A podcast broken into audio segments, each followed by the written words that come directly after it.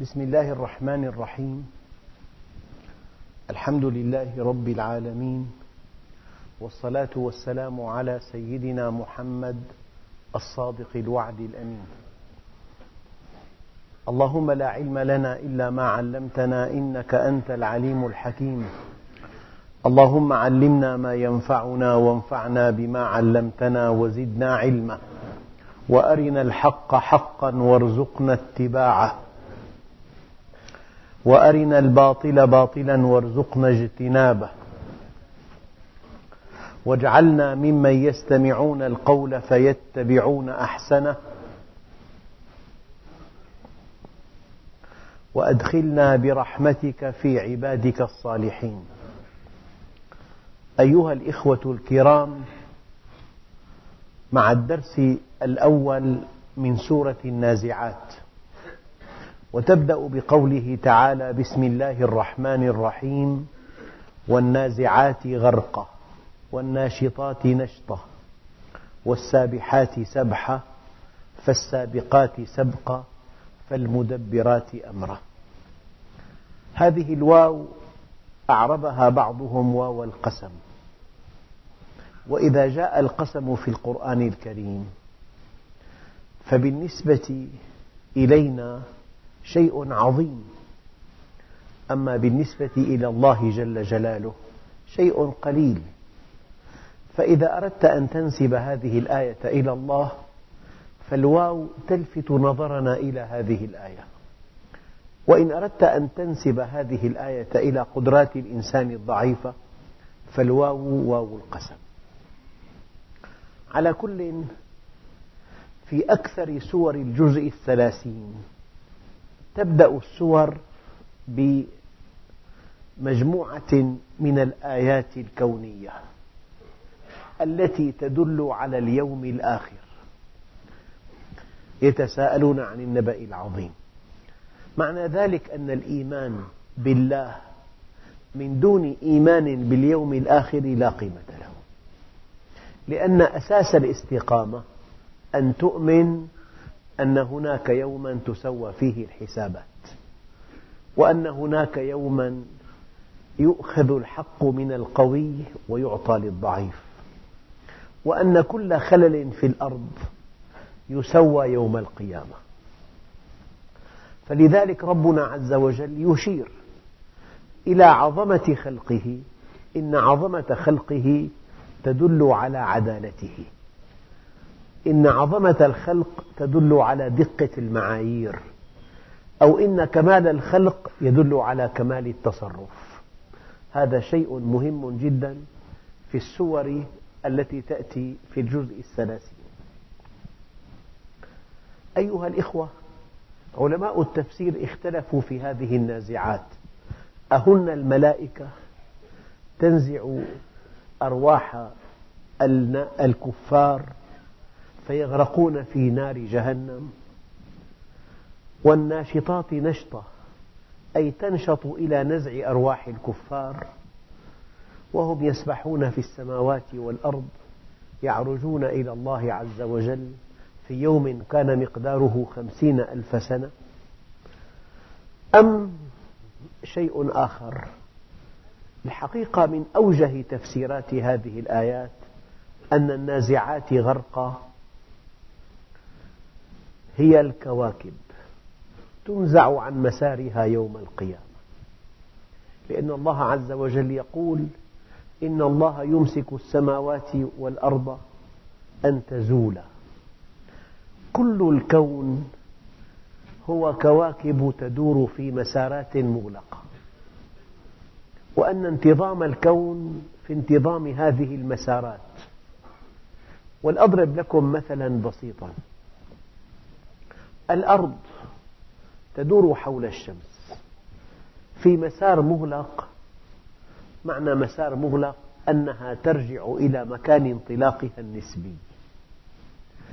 كيف أن الإنسان يجري حول ملعب؟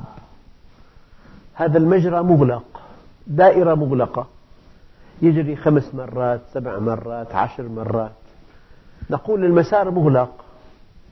إذا الكون كله يمكن أن تنتظمه حقيقة واحدة أن كل كواكبه ونجوم ونجومه تسير في مسارات مغلقة.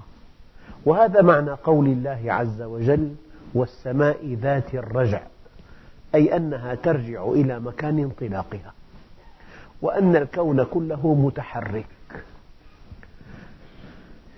لو أن الكواكب لا تدور حول بعضها بعضا في مسارات مغلقة. ماذا حدث؟ طبق مبدأ الجاذبية فأصبح الكون كله كتلة واحدة لأن كل نجم أكبر يجذب الأصغر لكن مع هذه الحركة ينشأ عن الحركة قوى نبز تكافئ قوى الجذب. ينشأ قوى نبز تكافئ قوى الجذب. والمثل البسيط املأ وعاء من الماء وأدره هكذا الماء لا يسقط. إذا كان هذا الوعاء في الأعلى وفي الجهة السفلى فراغ الماء لا يسقط. ما الذي يمنعه من أن يسقط؟ أنه في أثناء الدوران نشأت قوة نبز نحو الطرف الآخر لمركز الدوران. وأكثر الآلات التي تتولى تجفيف الملابس. على أي مبدأ؟ دوران سريع.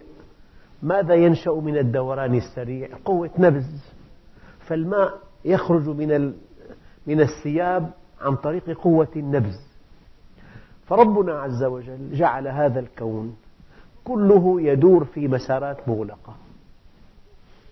هذه المسارات ينشأ من خلال هذا الدوران السريع قوة نبز تكافئ قوة الجذب فالكون متوازن. هذا يسموه أعلى نوع بالميكانيك التوازن الحركي. يعني حركة مع التوازن. كله متحرك والمحصلة استقرار. أمن جعل الأرض قرارا. لنضرب على هذا مثل الأرض. الأرض تسير في مسار مغلق حول الشمس. هذا المسار ليس دائريا بل هو إهليلجي يعني بيضوي. والشكل البيضوي له قطران قطر أعظمي وقطر أصغري. فالأرض إذا وصلت إلى القطر الأصغر هناك خطر أن تنجذب إلى الشمس لأن المسافة قلت بينها وبين الشمس صغرت. حينما تقل المسافة بين الأرض والشمس تتغلب قوة جذب الأكبر والشمس يزيد حجمها عن حجم الأرض بمليون وثلاثمئة ألف مرة. من السهل جدا أن تنجذب الأرض إلى الشمس وتتبخر في ثانية واحدة. بثانية واحدة تصبح الأرض بخارا لأن أشعة الشمس ستة آلاف درجة على سطحها وعشرين مليون درجة في نواتها في مركزها. ماذا ينشأ؟ تزيد الأرض سرعتها. من هذه الزيادة ينشأ قوة نابذة زائدة تكافئ القوة الجاذبة فتبقى في مسارها. فلو وصلت إلى البعد الأعظم الشكل البيضوي القطر الأطول هنا في مشكلة ثانية لعل هذه السرعة العالية تجعلها تتفلت من مسارها حول الشمس. وإذا تفلتت غرقت في ظلام دامس. وغرقت في برد شديد يصل إلى درجة الصفر المطلقة 270 تحت الصفر. وكان الموت فلا بد من أجل أن تبقى على مسارها أن تتباطأ سرعتها. تباطؤا تدريجيا كي تبقى مرتبطة بالشمس. فمن أعطى الأرض سرعة إضافية كي تتفلت من انجذابها للشمس ومن أعطى الأرض سرعة متباطئة كي تنجو من تفلتها من مسارها حول الشمس. الله جل جلاله. ولكن هذه السرعة الزائدة وذاك التباطؤ الزائد يكون بشكل تدريجي سماه علماء الرياضيات التسارع. تسارع الأرض في سرعتها بطيء. وتباطؤها بطيء. من أجل هذا تبقى الأبنية على حالها. لو أن الأرض رفعت سرعتها فجأة لانهدم كل ما عليها. وهذا معنى قوله تعالى إن الله يمسك السماوات والأرض أن تزولا. أي أن تنحرف من مسارها. أي أن تنزع من مسارها. لو نزعت الأرض من مسارها لانتهت الحياة من على سطحها. في عالم يعني بعيد جدا عن أن يؤمن بالله. بعيد جدا. ومع ذلك قال لو أن الأرض تفلتت من مسارها حول الشمس وأردنا أن نعيدها إلى مسارها المغلق لاحتجنا إلى مليون مليون حبل فولاذي. قطر كل حبل خمسة أمتار. وهذا الحبل الفولاذي المطفور يتحمل قوى من الشد تزيد عن مليوني طن. يعني الأرض مربوطة بالشمس بقوة جذب تساوي مليونين ضرب مليون مليون طن. لو أردنا أن نزرع هذه الحبال على سطح الأرض المقابل للشمس لفوجئنا أن بين كل حبلين مسافة حبل واحد فارغ. نحن أمام غابة من الحبال. الفولاذية. الزراعة تعطلت والبناء تعطل والمواصلات تعطلت والضوء تعطل أمام غابة. بين كل حبلين مسافة حبل فارغ وهذا معنى قوله تعالى الله الذي رفع السماوات بغير عمد ترونها. رفعها بعمد لا ترونها. رفعها بعمد لا ترونها. الآن ما معنى والنازعات غرقا؟ أي أن الله عز وجل حينما يأتي اليوم الآخر حينما تنتهي الحياة من على سطح الأرض الشمس كورت والنجوم انكدرت. والنجوم كيف تنكدر؟ تنزع من مسارها حول بعضها بعضا. اختل نظام الكون أو أن الله سبحانه وتعالى أنهى نظام الكون. فحينما تنزع الكواكب من مساراتها حول بعضها بعضا تنتهي هذه الكواكب وتتناثر وتتفجر وينتهي نظام الكون الرائع. والنازعات غرقا إذا هذه النجوم حينما تنزع من مسارها حول بعضها بعضا وتنتهي. إذا الشمس كورت وإذا النجوم انكدرت انطفأت يعني. والناشطات نشطة. يعني هذه السرعات الهائلة للنجوم هل فكرنا فيها؟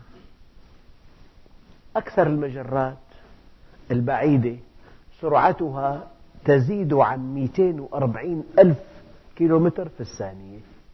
بل إن سرعاتها تقترب من سرعة الضوء. ونشاط بدقة بالغة. أي أن أدق ساعة في العالم تضبط كل عام على مسير نجم على زاوية رصد نجم. فقد تقصر هذه الساعة بضع ثواني وقد تقدم بضع ثواني والنجم لا يقدم ولا يؤخر. إذا سرعة عالية مع دقة بالغة. والناشطات نشطة. والأرض كما تعلمون تنطلق في رحلتها حول الشمس بسرعة 30 كيلومتر في الثانية. وهي حقيقة بديهية ثابتة. مقطوع بها سرعة الأرض حول الشمس في سرعتها حول الشمس 30 كيلومتر في الثانية. والناشطات نشطة. والسابحات سبحا يعني أنت لا تستطيع أن تجعل بعض الأحجار تتحرك في الهواء فوق طاقة البشر. وقبل أن أنتقل من قوله تعالى والناشطات نشطة أذكركم بقوله تعالى فلا أقسم بمواقع النجوم وإنه لقسم لو تعلمون عظيم. يعني هذا النجم الذي يبعد عنا عشرين مليار سنة ضوئية.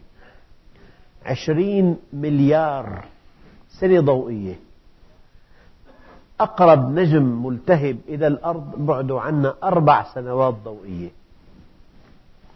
الضوء يقطع في الثانية 300 ألف كيلومتر في الدقيقة ضرب 60 في الساعة ضرب 60 في اليوم ضرب 24 في العام ضرب 365 آه، في أربعة. هذا الرقم الكبير هو بعد هذا النجم الذي هو أقرب نجم على الإطلاق إلى الأرض ملتهب. هذه المسافة لو قسمناها على مئة كيلومتر سرعة سيارة لعرفنا كم ساعة تكفي كي نصل لهذا النجم بسيارتنا.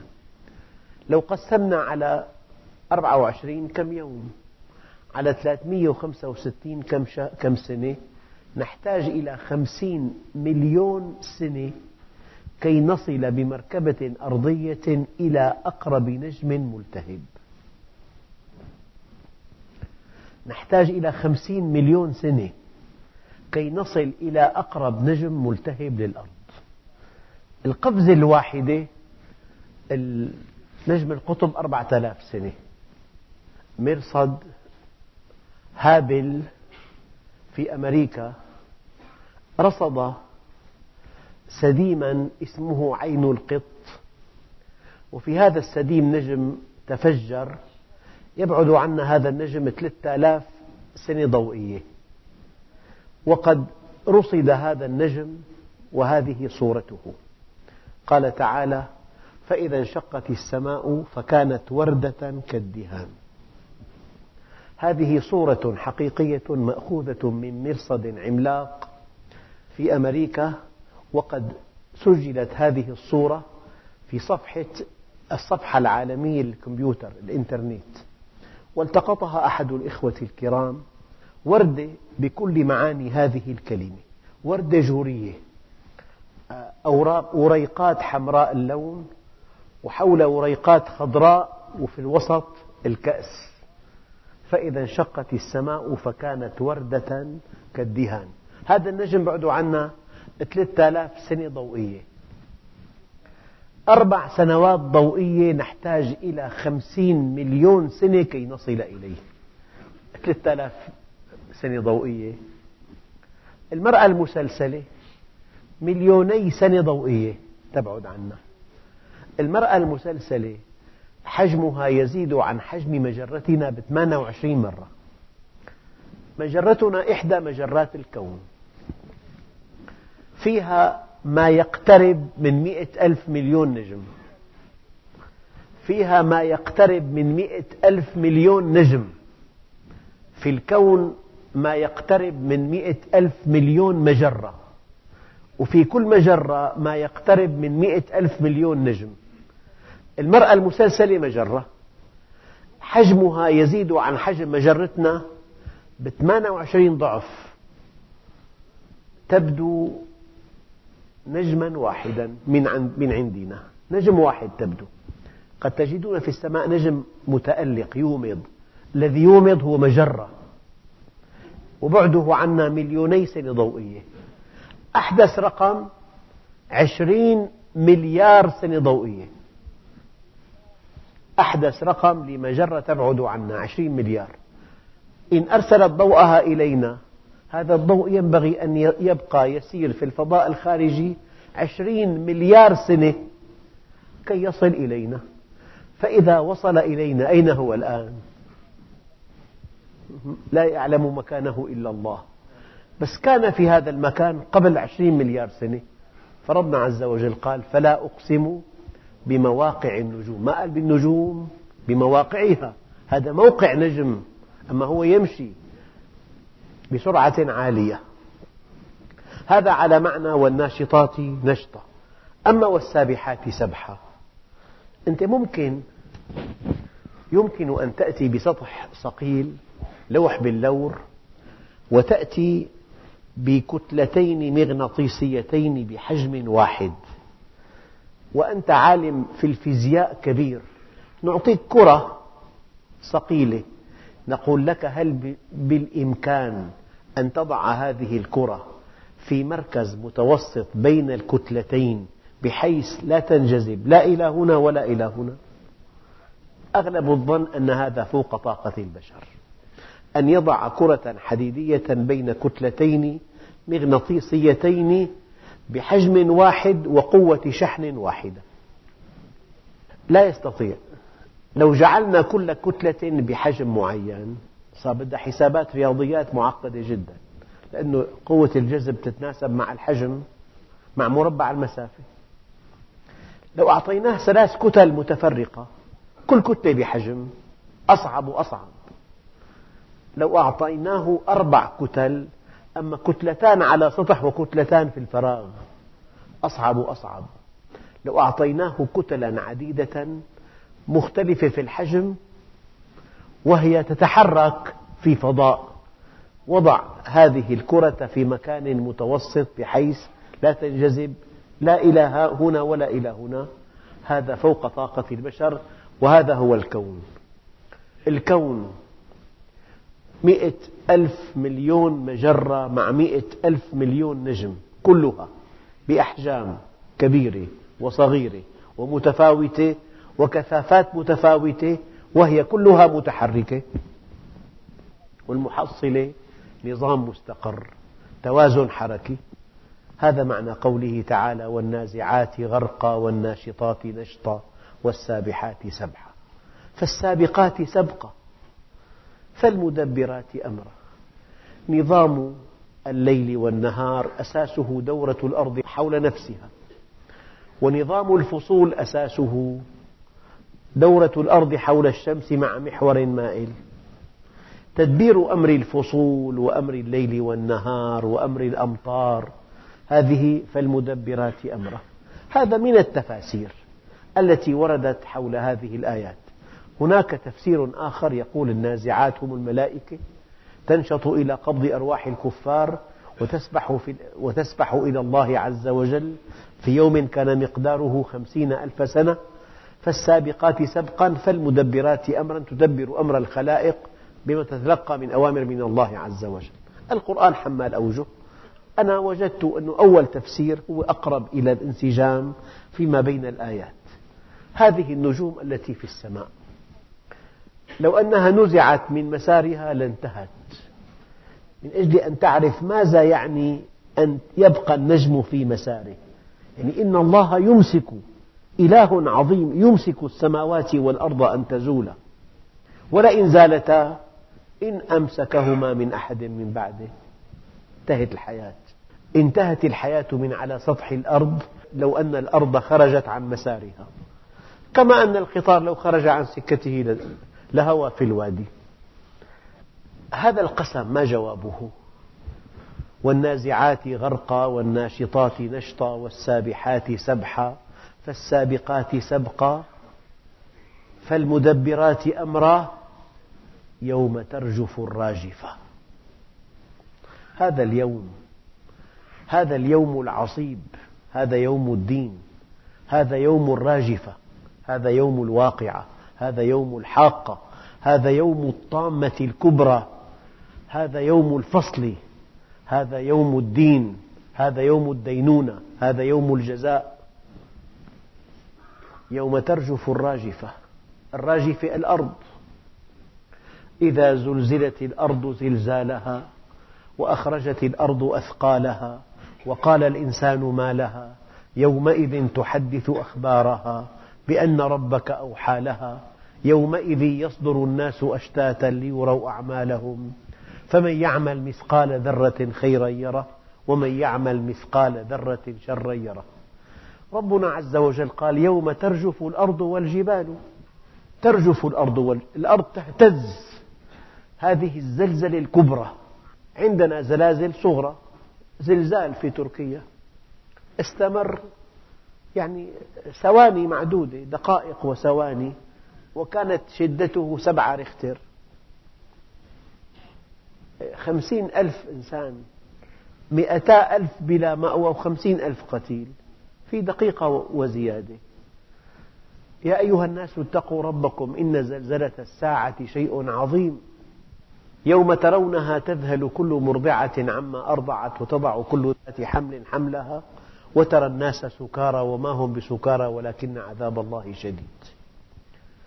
أيها الإخوة في هذا اليوم تزلزل الأرض زلزالها وتخرج أثقالها الإنسان.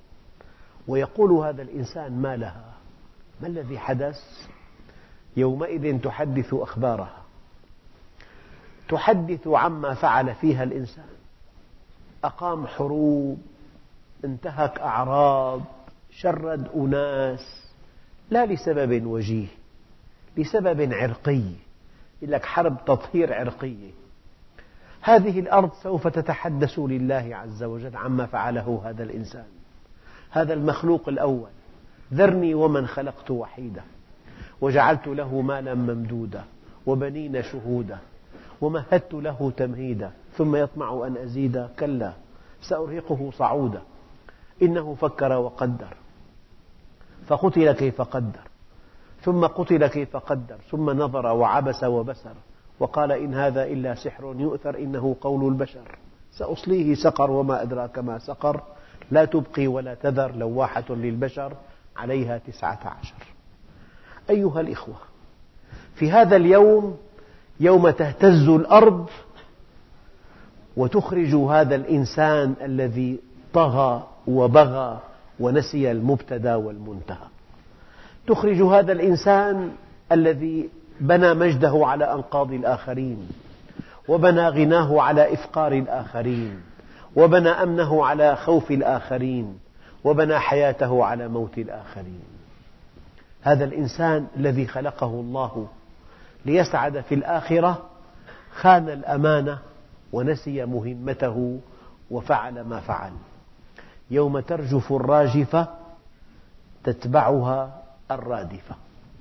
الأرض تزلزل والنجوم تنكدر والشمس تتكور وكل شيء قد انتهى. أول كلمة الأرض هي الراجفة والرادفة تتبعها هي السماء. إذا الشمس كورت وإذا النجوم انكدرت وإذا الجبال سيرت وإذا العشار عطلت إلى آخره. أبصارها خاشعة. أبصارها خاشعة. يعني قلوب يومئذ واجفة.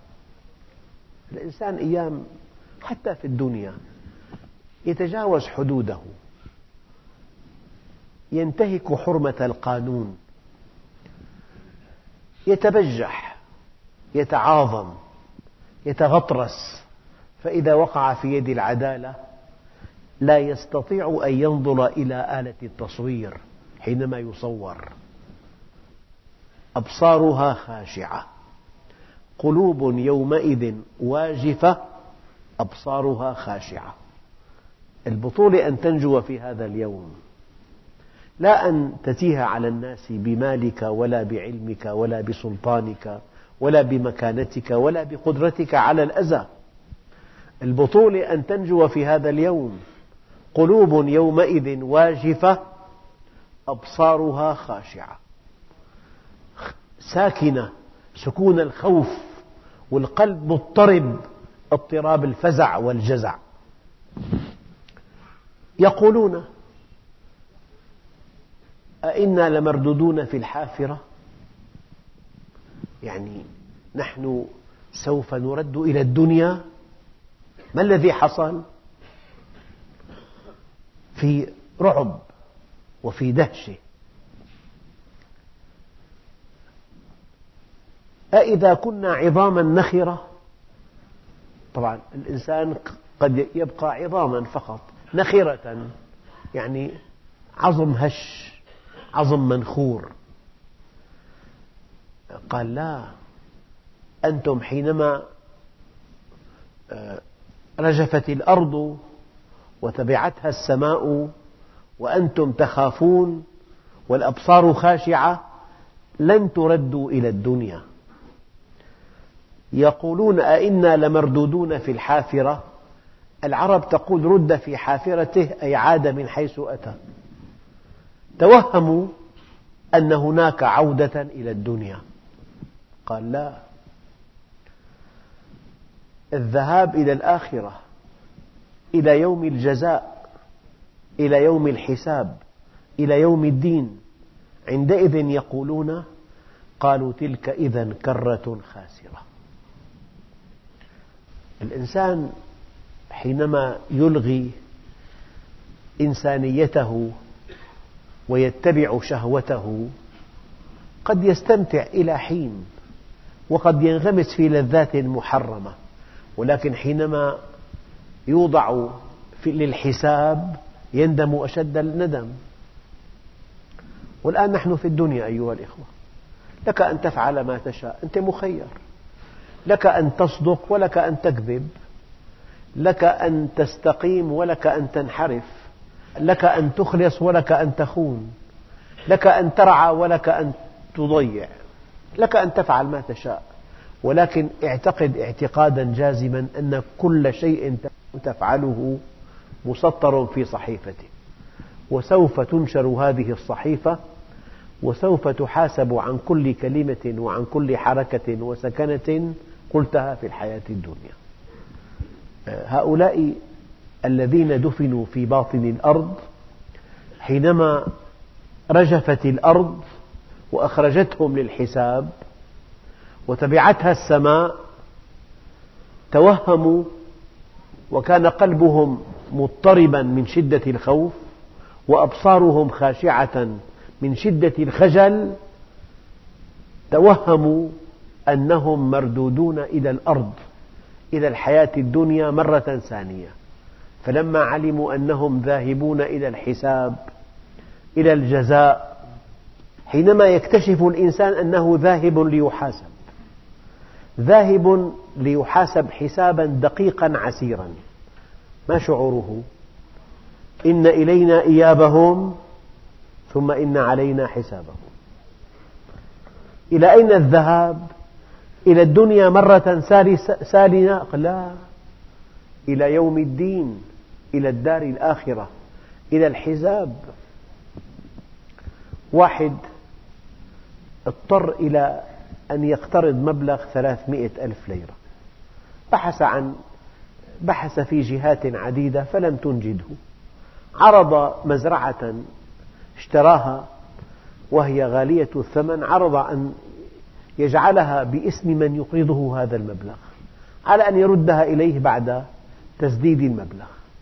في إنسان قبل أعطاه المبلغ ثلاثمئة ألف وسجل المدين هذه المزرعة باسم الدائن. وبعد سنوات عدة تمكن المدين من تأمين المبلغ فذهب إليه ونقده الثمن وقال يرجى أن ترجع لي مزرعتي. قال له كل واحد حقه واصله. مزرعة ثمنها مليون. فلما رأى أن هذه المزرعة قد ذهبت وضاعت منه تألم أشد الألم وهذا الألم طغى عليه حتى أصابه بأزمة قلبية حادة جعلته على شفير الموت. جاء بابنه وأملى عليه هذه الوصية قال حينما أموت وحينما أوضع في النعش اذهب بجنازتي إلى محل الذي اغتصب مني هذه المزرعة وأوقف هذه الجنازة وادخل إلى محله وقدم له هذه الرسالة ماذا في الرسالة؟ يقول له لقد اغتصبت مزرعتي ظلما وأنا ذاهب إلى دار الحق فإن كنت بطلا لا تلحقني. يروى أنه رد لهم المزرعة بعد فوات الأوان. يعني في يوم حساب افعل ما تشاء. الجاهل بعد نفسه ذكي حينما يأخذ ما ليس له. الجاهل بعد نفسه ذكي إذا اغتصب مالا أو عقارا أو دكانا أو شركة أو وكالة أو طلق امرأة ظلما وعدوانا وقد أخذ كل ما عندها. هناك من يقول لزوجته إن لم تكتبي لي هذا البيت أطلقك. تكتبه له وبعد, وبعد هذا يطلقها. هذا الذي يؤمن باليوم الآخر لا يستطيع أن يعتدي على نملة. والله على نملة. لا يستطيع أن يأكل درهما واحدا حراما. هذا الذي يؤمن باليوم الآخر. أما إذا كان إيمان فيه ضعيف بعد نفسه شاطر. وهذا الذي يفعل العمل السيء من أقره على عمله كان شريكه في الإثم ثم يقول الله عز وجل حينما يعلمون أنهم ذاهبون ليوم الدين ليوم الجزاء يقولون قالوا تلك إذا كرة خاسرة. مشكلة كبيرة جدا أن نحاسب عن كل مال اقترفناه. الميت حينما يوضع في نعشه ترفرف روحه فوق النعش. تقول يا أهلي يا ولدي لا تلعبن بكم الدنيا كما لعبت بي. جمعت المال مما حل وحرم فأنفقته في حله وفي غير حله. فالهناء لكم والتبعة علي. الهناء لكم والتبعة علي. أندم الناس رجل دخل ورثته بماله الجنة ورثوه حلالا ودخل هو بماله النار. أندب الناس عالم دخل الناس بعلمه الجنة ودخل هو بعلمه النار. أندب الناس رجل باع آخرته بدنيا غيره. أإذا كنا عظاما نخرة؟ قالوا تلك إذا كرة خاسرة فإنما هي زجرة واحدة. فاتني أن أقول لكم يوم ترجف الراجفة تتبعها الرادفة. بعض علماء التفسير فسر هاتين الكلمتين بأنها الصعقة الأولى والصعقة الثانية واللتان وردتا في سورة الزمر. نعم. الصعقة الأولى والصعقة الثانية. فإنما هي زجرة واحدة هذه الصعقة الثانية. ثم نفخ فيه أخرى فإذا هم قيام ينظرون. أول صعقة يصعق بها كل الخلائق الثانية يوقفون ليوم الحساب. فإنما هي زجرة واحدة فإذا هم بالساهرة. الساهرة مكان الحشر ساحة كبيرة جدا. كتل ما في كتل محاور تجمعات هذا من جماعتنا اتركوه. فإذا هم في الساهرة جئتمونا فرادى كما خلقناكم أول مرة. وتركتم ما خلفتم وراء ظهوركم. يعني المشكلة أن الإنسان يحاسب عن كل شيء ولا نصير له أبدا. يا فاطمة بنت محمد في أقرب من الأب لبنته؟ يا عباس عم رسول الله أنقذا نفسيكما من النار. أنا لا أغني عنكما من الله شيئا. لا يأتيني الناس بأعمالهم وتأتوني بأنسابكم. من يبطئ به عمله لم يسرع به نسبه. قال عليه الصلاة والسلام أتدرون من المفلس؟ قالوا المفلس فينا. من لا درهم له ولا متاع؟ قال لا. المفلس اسمعوا جيدا من جاء بصل... أتى بصلاة وصيام وصدقة. وقد ضرب هذا وشتم هذا وأكل مال هذا فيأخذ هذا من حسناته وهذا من حسناته فإذا فنيت حسناته طرحوا عليه سيئاتهم حتى يطرح في النار. إن فلانة تذكر أنها تكثر من صلاتها وصيامها وصدقتها غير أنها تؤذي جيرانها بلسانها. قال هي في النار. دخلت امرأة النار في هرة حبستها. لا هي أطعمتها ولا هي تركتها. تأكل من خشاش الأرض. فإنما هي زجرة واحدة. هي الصعقة الثانية. فإذا هم بالساهرة. في ساحة الحشر. أيها الإخوة سورة النازعات من سور الجزء الثلاثين وهي تركز على اليوم الآخر. والإيمان باليوم الآخر أساسي جدا. بل إن الإيمان بالله من دون إيمان باليوم الآخر لا ينفعنا إطلاقا. وفي الدرس القادم يشرح الله عز وجل عن أحد رؤوس الكفر فرعون كيف كان في الدنيا يقول أنا ربكم الأعلى؟ ما علمت لكم من إله غيري وكيف أصبح مصيره في الآخرة؟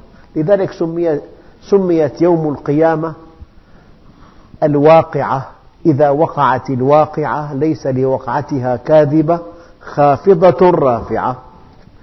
فمن كان في الدنيا يعني بمقياس البشر غنيا أو قويا ولم يكن مستقيما كان في الآخرة في أسفل سافلين.